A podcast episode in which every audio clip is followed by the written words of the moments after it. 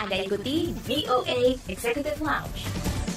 Direct from Washington, VOA. Halo apa kabar? Kembali bersama Dania Iman dari VOA di Washington DC, tentunya dalam VOA Executive Lounge. Kali ini dalam VOA Executive Lounge, kami akan menghadirkan beragam informasi menarik mengenai diaspora Indonesia di mancanegara, juga beragam kabar terkini dari dunia gaya hidup dan juga hiburan. Dalam kesempatan kali ini, kami akan mengajak Anda untuk berkenalan dengan diaspora Indonesia Lilian Wanandi Perez di Virginia, Amerika Serikat. Lilian memiliki toko kue bernama Poffy yang terinspirasi dari poffertjes atau camilan tradisional dari Belanda. Nah, yang unik, Poffy juga terinspirasi oleh camilan tradisional Indonesia. Nanti kita akan mendengarkan cerita dari Lilian seputar Poffy, maka dari itu jangan ke mana-mana, tetap bersama VOA Indonesia. Jangan lupa follow VOA Indonesia di Instagram, Twitter, dan Facebook untuk mendapatkan berbagai info menarik dan terkini dari mancanegara.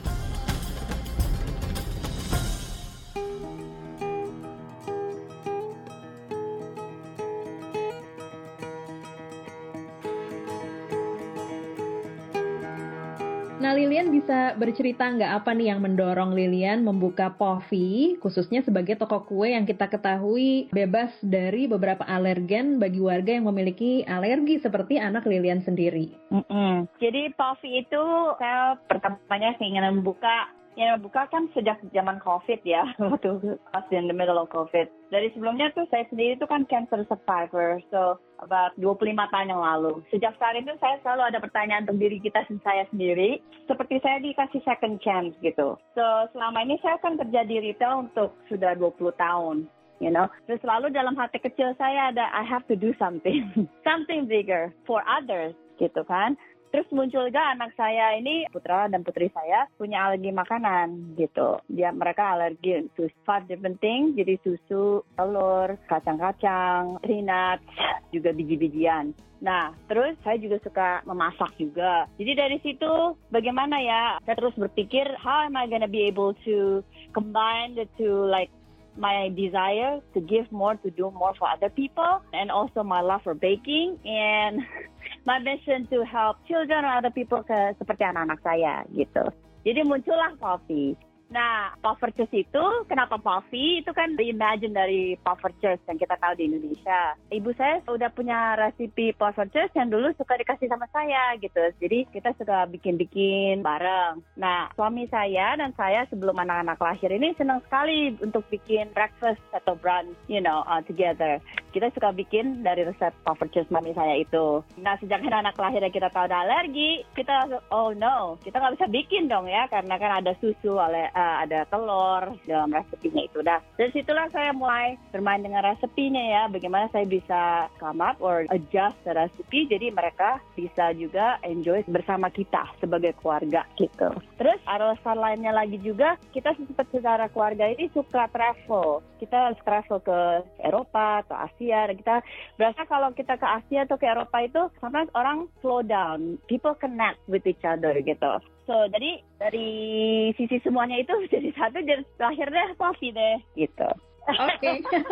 Sekarang mengenai menu ya, ini kan beragam sekali menunya nih uh, Lilian dan yang menarik juga adalah ada menu Poffertjes yang warnanya hijau. Ini katanya terinspirasi dari Indonesia alias kue klepon juga. Mungkin Lilian bisa bercerita ya. Ya, kita memang terinspirasi dari macam-macam ya. Sebetulnya rasa-rasa itu, ya itu, oke, okay, let's back up. saya itu waktu travel ke Jepang, saya stumble into a waffle shop di Jepang itu, dan mereka very simple, cuman waffle doang, cuma dari berbagai macam rasa gitu. And then waktu saya coba itu menginspirasi saya gitu kan, oh, apa yang saya bisa buat dengan coffee gitu kan. Nah, saya emang dari kecil, growing up di Indonesia, suka sekali makan klepon, kue putu, klepon. Nah, waktu pertama kali suami saya juga di Filipino American ke Indonesia waktu coba telepon juga menjadi salah satu yang paling suka gitu. Jadi saya terus dari situ inspirasinya bagaimana saya bisa bikin untuk menjadi coffee. Terus jadi saya bikin sendiri di rumah coba dengan adonannya pakai pandan dan tambah gula jawa dalamnya. Jadilah klepon deh. Tapi awalnya itu memang terinspirasi karena saya suka, suami saya suka dan actually uh, ayah saya suka sekali dengan klepon. Jadi um, itu yang menginspirasi saya untuk mm, memasukkan klepon atau inspirasi dengan pakai pandan gula jawa di coffee kita. Oke, Gitu. oke. Nah, apakah secara nggak langsung memang Lilian mempromosikan Indonesia juga nih melalui Povi? Iya, karena biarpun saya udah tinggal di Amerika atau di Eropa lebih lama daripada Indonesia, tapi darah saya kan tetap Indonesia. Keluarga saya tetap di Indonesia. And saya selalu pikir Indonesia itu kaya ya dengan makanan, culture, so deep and so rich and not many people in the world kan tahu gitu. Jadi saya mau bawa itu masuk sedikit deh kalau misalnya ada yang berkunjung ke Puffy juga bisa lihat juga even di dekor kita dalamnya kan agak warm ya dengan warm wood terus kita juga ada tile desainnya itu kayak salah satu desain dari batik Indonesia. Waktu saya lihat saya suka sekali pattern itu, papi saya juga bilang itu kan pattern dari batik Indonesia juga. Jadi kita bisa tengah pakai itu deh ya. Jadi um, bawa Indonesia sedikit karena saya bagaimanapun juga saya orang Indonesia dan bangga jadi orang Indonesia. Kalau saya bisa combine, you know, and actually just being creative, I think that's the point why we do this. Kalau gula Jawanya itu apakah eh, asli Indonesia atau gimana Lilian? Asli dong. asli Indonesia. Kita dapat dari distribut online distributor gula Jawa Indonesia asli. Sampai semua rappernya itu pasti Indonesia punya. Karena saya nggak mau pakai yang lain ya. Kalau nggak kan defeat the purpose dong. Kita mau, you know, uh, bawa Indonesia harus benar-benar asli Indonesia. Kalau pandannya sendiri, kita kan nggak mau pakai ekstrak ya. Harus pandan natural powdernya itu unfortunately nggak bisa dapat di Indonesia. Tapi kalau yang gula Jawanya iya. Dan um, dari gula Jawa ini, saya juga baru sekitar sebulan, dua bulan lalu, tadinya kan kita pakai untuk cuma jadi isinya coffee doang, jadi kayak klepon. Tapi saya actually invented, created salted caramel dari gula Jawa Indonesia. Wow, Gitu. oke. Semua yang nyobain, wah this is like caramel, right? Like salted caramel. Like, tapi mereka nggak ada yang nyangka itu pakai gula Jawa, the main ingredient, and actually ada pandan sedikit. Oke, apakah uh, kualitas gula Jawa Indonesia itu menjadi keunikan tersendiri gitu untuk dessertnya yang Lilian bikin gitu, puffer cheese yang dibikin kalau dibandingin sama dessert biasa gitu mungkin yang pakai brown sugar gitu ya? Oh ya pasti, pasti dong. Orang-orang selalu kan begitu uh, lihat gitu kan Indonesian palm sugar. What is palm sugar? Right? It's very, it's getting very interesting. I mean even pandan, not a lot of. Uh, it's surprisingly people don't really know about pandan. Tapi kalau gula Jawa itu mereka terus kita harus describe gimana rasanya, you know, and everything like that. And kebanyakan orang yang udah coba, wow, this is really good, and then open up their palate, and then you know, go on and try to mix it up, you know, not just with pandan but with something else. But yeah, yeah, yeah, it's definitely becoming one of the unique komponen dari coffee, ya, karena nggak bisa dapat di mana-mana kan, gitu. Iya, iya dan Povi juga menyebutnya itu tadi adalah Indo caramel sauce gitu ya. Iya, kita bilangnya Indo caramel. When we describe it, you know, kan orang kalau kita bilang Indo caramel, mereka nggak tahu kan apa sih Indo caramel gitu kan. Jadi kita bilang Indo is Indo caramel, but it's like salted, it's vegan salted caramel. So, jadi waktu saya create sauce-nya itu, tadinya saya cuma pakai kayak gula Jawa kita di Indonesia ya. Jadi saya lihat resepnya bagaimana yang tradisional itu biasanya kombinasi apa. Tapi begitu saya coba, oh, kurang serp gitu buat kayak dikembang sama coffee. Jadi terus saya main terus based on, you know, using gula Jawa masih. Tapi akhirnya dapet deh gitu. Kita udah Iya. ada selama sebulan inilah satu bulan setengah and then become very popular. Thank you so much for your time. Thank you.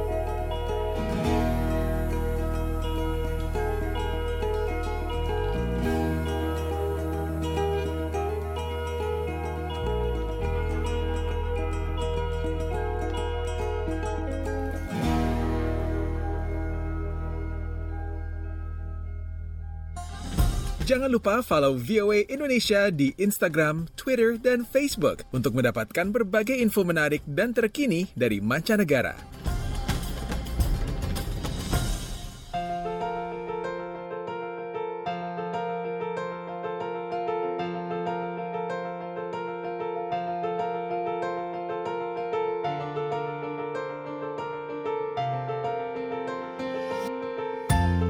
Para siswa di Amerika Serikat kini telah kembali ke sekolah. Satu hal yang menjadi fokus kali ini adalah kesehatan mental siswa, khususnya ketika mereka harus kembali menghadiri kelas tatap muka. Berikut selengkapnya.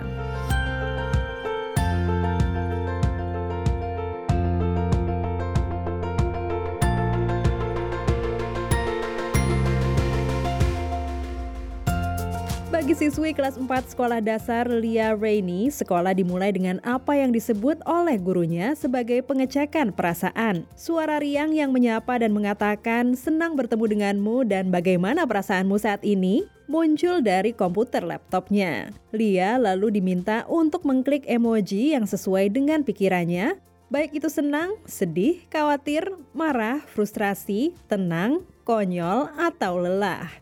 Tergantung jawabannya, Lia yang berusia 9 tahun dianjurkan untuk mengatasi suasana hatinya dan diminta untuk menjawab beberapa pertanyaan lagi, seperti apakah sudah sarapan?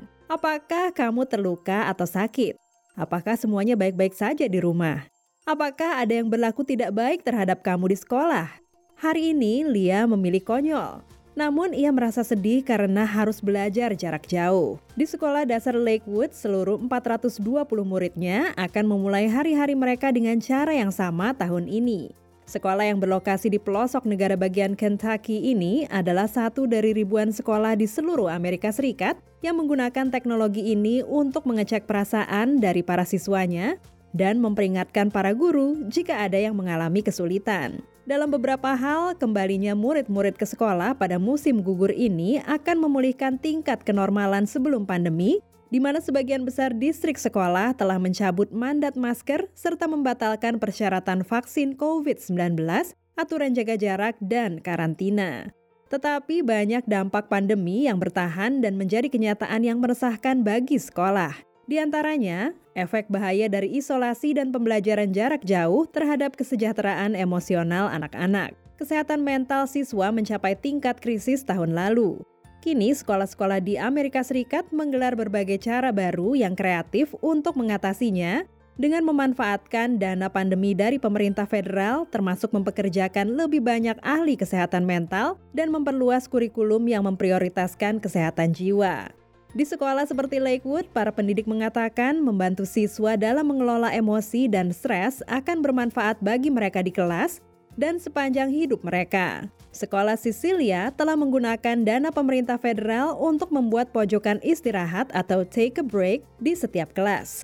Para siswa dapat menggunakan berbagai peralatan untuk mengendalikan suasana hati mereka, seperti bola stres yang empuk dan cincin akupunktur, kata konselor sekolah Shelly Care. Dia mengatakan aplikasi online Close Gap yang digunakan untuk memeriksa para siswa membantu mengidentifikasi anak-anak yang pemalu dan pendiam yang mungkin perlu berbicara dan jika tidak akan luput dari perhatian. Siswi Lia Rainey mengatakan, I said that I was feeling silly.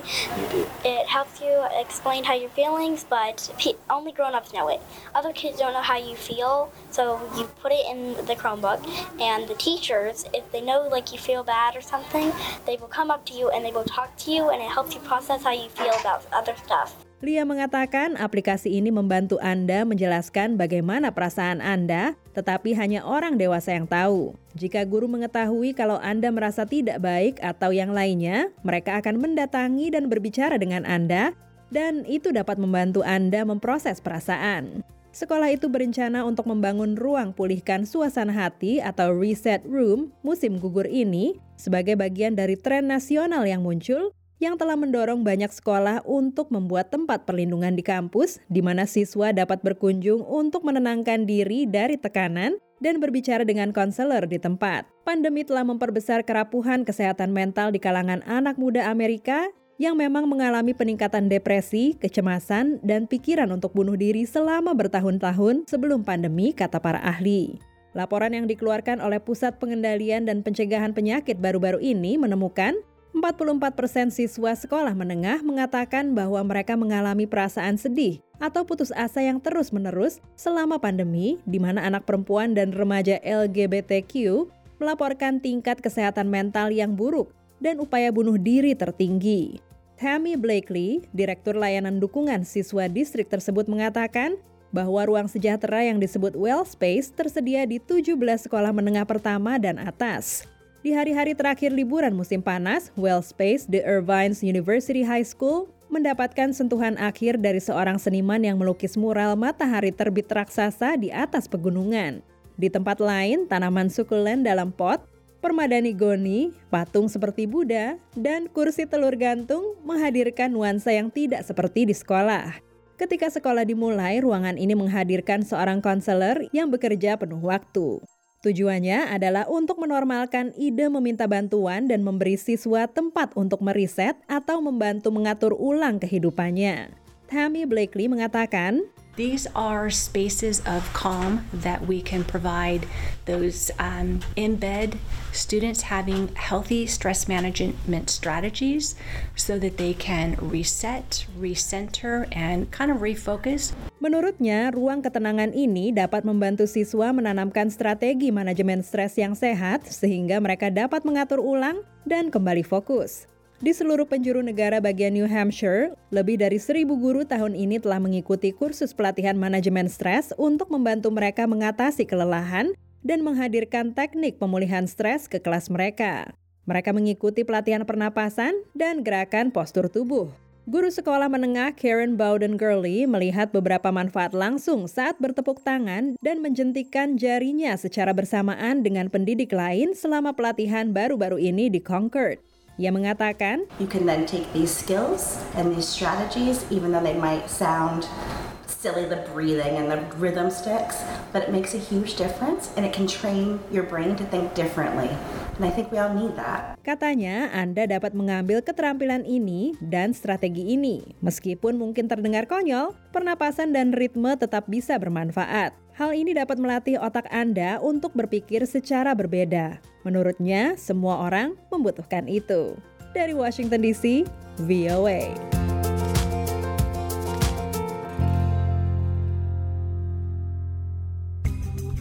Jangan lupa follow kami di Instagram dan Twitter at VOA Indonesia.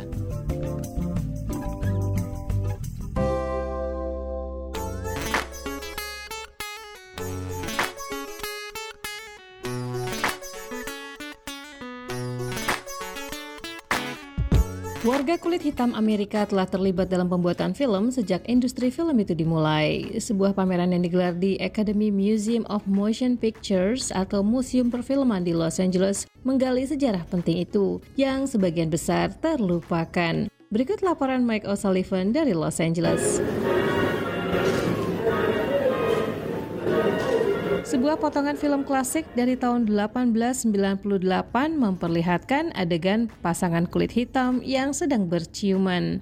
Potongan film yang baru ditemukan lima tahun lalu itu ditampilkan sebagai bagian dari pameran Regeneration Black Cinema 1898-1971. Sejumlah potongan film dari masa awal industri tersebut juga ikut dipamerkan dalam pameran yang digelar di Academy Museum of Motion Pictures atau museum perfilman terbesar yang dibuka sejak tahun lalu.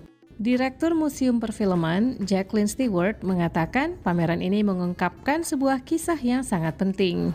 We really wanted to take the time and the space to show people just how long black artists have been involved. Kami benar-benar ingin menyediakan waktu dan tempat untuk memperlihatkan kepada orang-orang betapa bintang film kulit hitam telah lama terlibat dalam pembuatan film. Para pembuat film dan aktor kulit hitam yang sering kali menghadapi diskriminasi di Hollywood ikut menjadi bagian dari industri alternatif yang memproduksi film independen. Kurator Museum Perfilman Ree Combs mengatakan, Independent film productions primarily for an African American audience by African in Film independen itu diproduksi terutama untuk penonton warga Amerika keturunan Afrika dan digarap oleh sutradara Amerika keturunan Afrika. Pameran itu juga menampilkan sejumlah naskah, poster, dan kostum dari berbagai film, termasuk di antaranya film musikal Stormy Weather pada tahun 1943 yang dibintangi Lina Horne dan film Porgy and Bess yang diperankan Sammy Davis Jr. pada tahun 1959. Ree Combs menambahkan, And many of them have been lost to time, but we have these posters as wonderful Kebanyakan dari poster tersebut sudah sangat tua, namun kami tampilkan poster-poster ini sebagai pengingat bagi periode pembuatan film yang benar-benar marak ini. Kebanyakan film tersebut diproduksi dengan anggaran kecil dan dalam berbagai genre, di antaranya film cowboy, film petualangan, dan film drama. Pameran itu juga menampilkan poster film yang dirilis pada tahun 1939, Reform School yang diperankan Louise Beavers, aktris kulit hitam yang telah membintangi lebih dari 100 film layar lebar dan layar kaca. Poster lainnya menampilkan seniman kulit hitam lainnya, di antaranya Nicholas Brothers yang terkenal di panggung musikal, dan Paul Robeson, penyanyi konser yang menjadi sosok penting di dunia perfilman Hollywood. Pada tahun 1960-an, kebanyakan film mengeksplorasi masalah-masalah rasial. Aktor sekaligus penyanyi Harry Belafonte dan Sidney Poitier ikut membintangi film-film semacam itu. Poitier bahkan memenangkan piala Oscar sebagai aktor terbaik lewat film Lilies of the Field pada tahun 1963. Sekian laporan tim VOA Lea Johannes, Washington DC.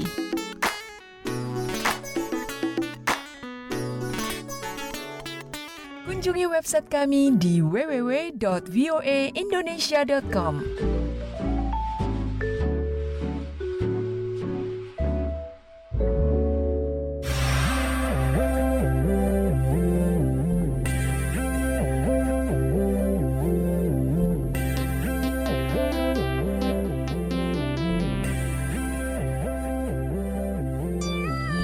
Dari VOA di Washington DC masih ditemani oleh saya Dania Iman dan sekarang sudah saatnya kami pamit. Jangan lupa untuk menyimak berbagai liputan VOA Indonesia melalui website kami di www.voaindonesia.com atau juga melalui media sosial kami di Facebook, Twitter, dan Instagram dan channel YouTube VOA Indonesia. Baiklah saya pamit dulu, saya Dania Iman. Success with you all the way.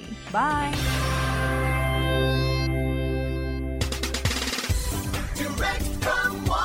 time.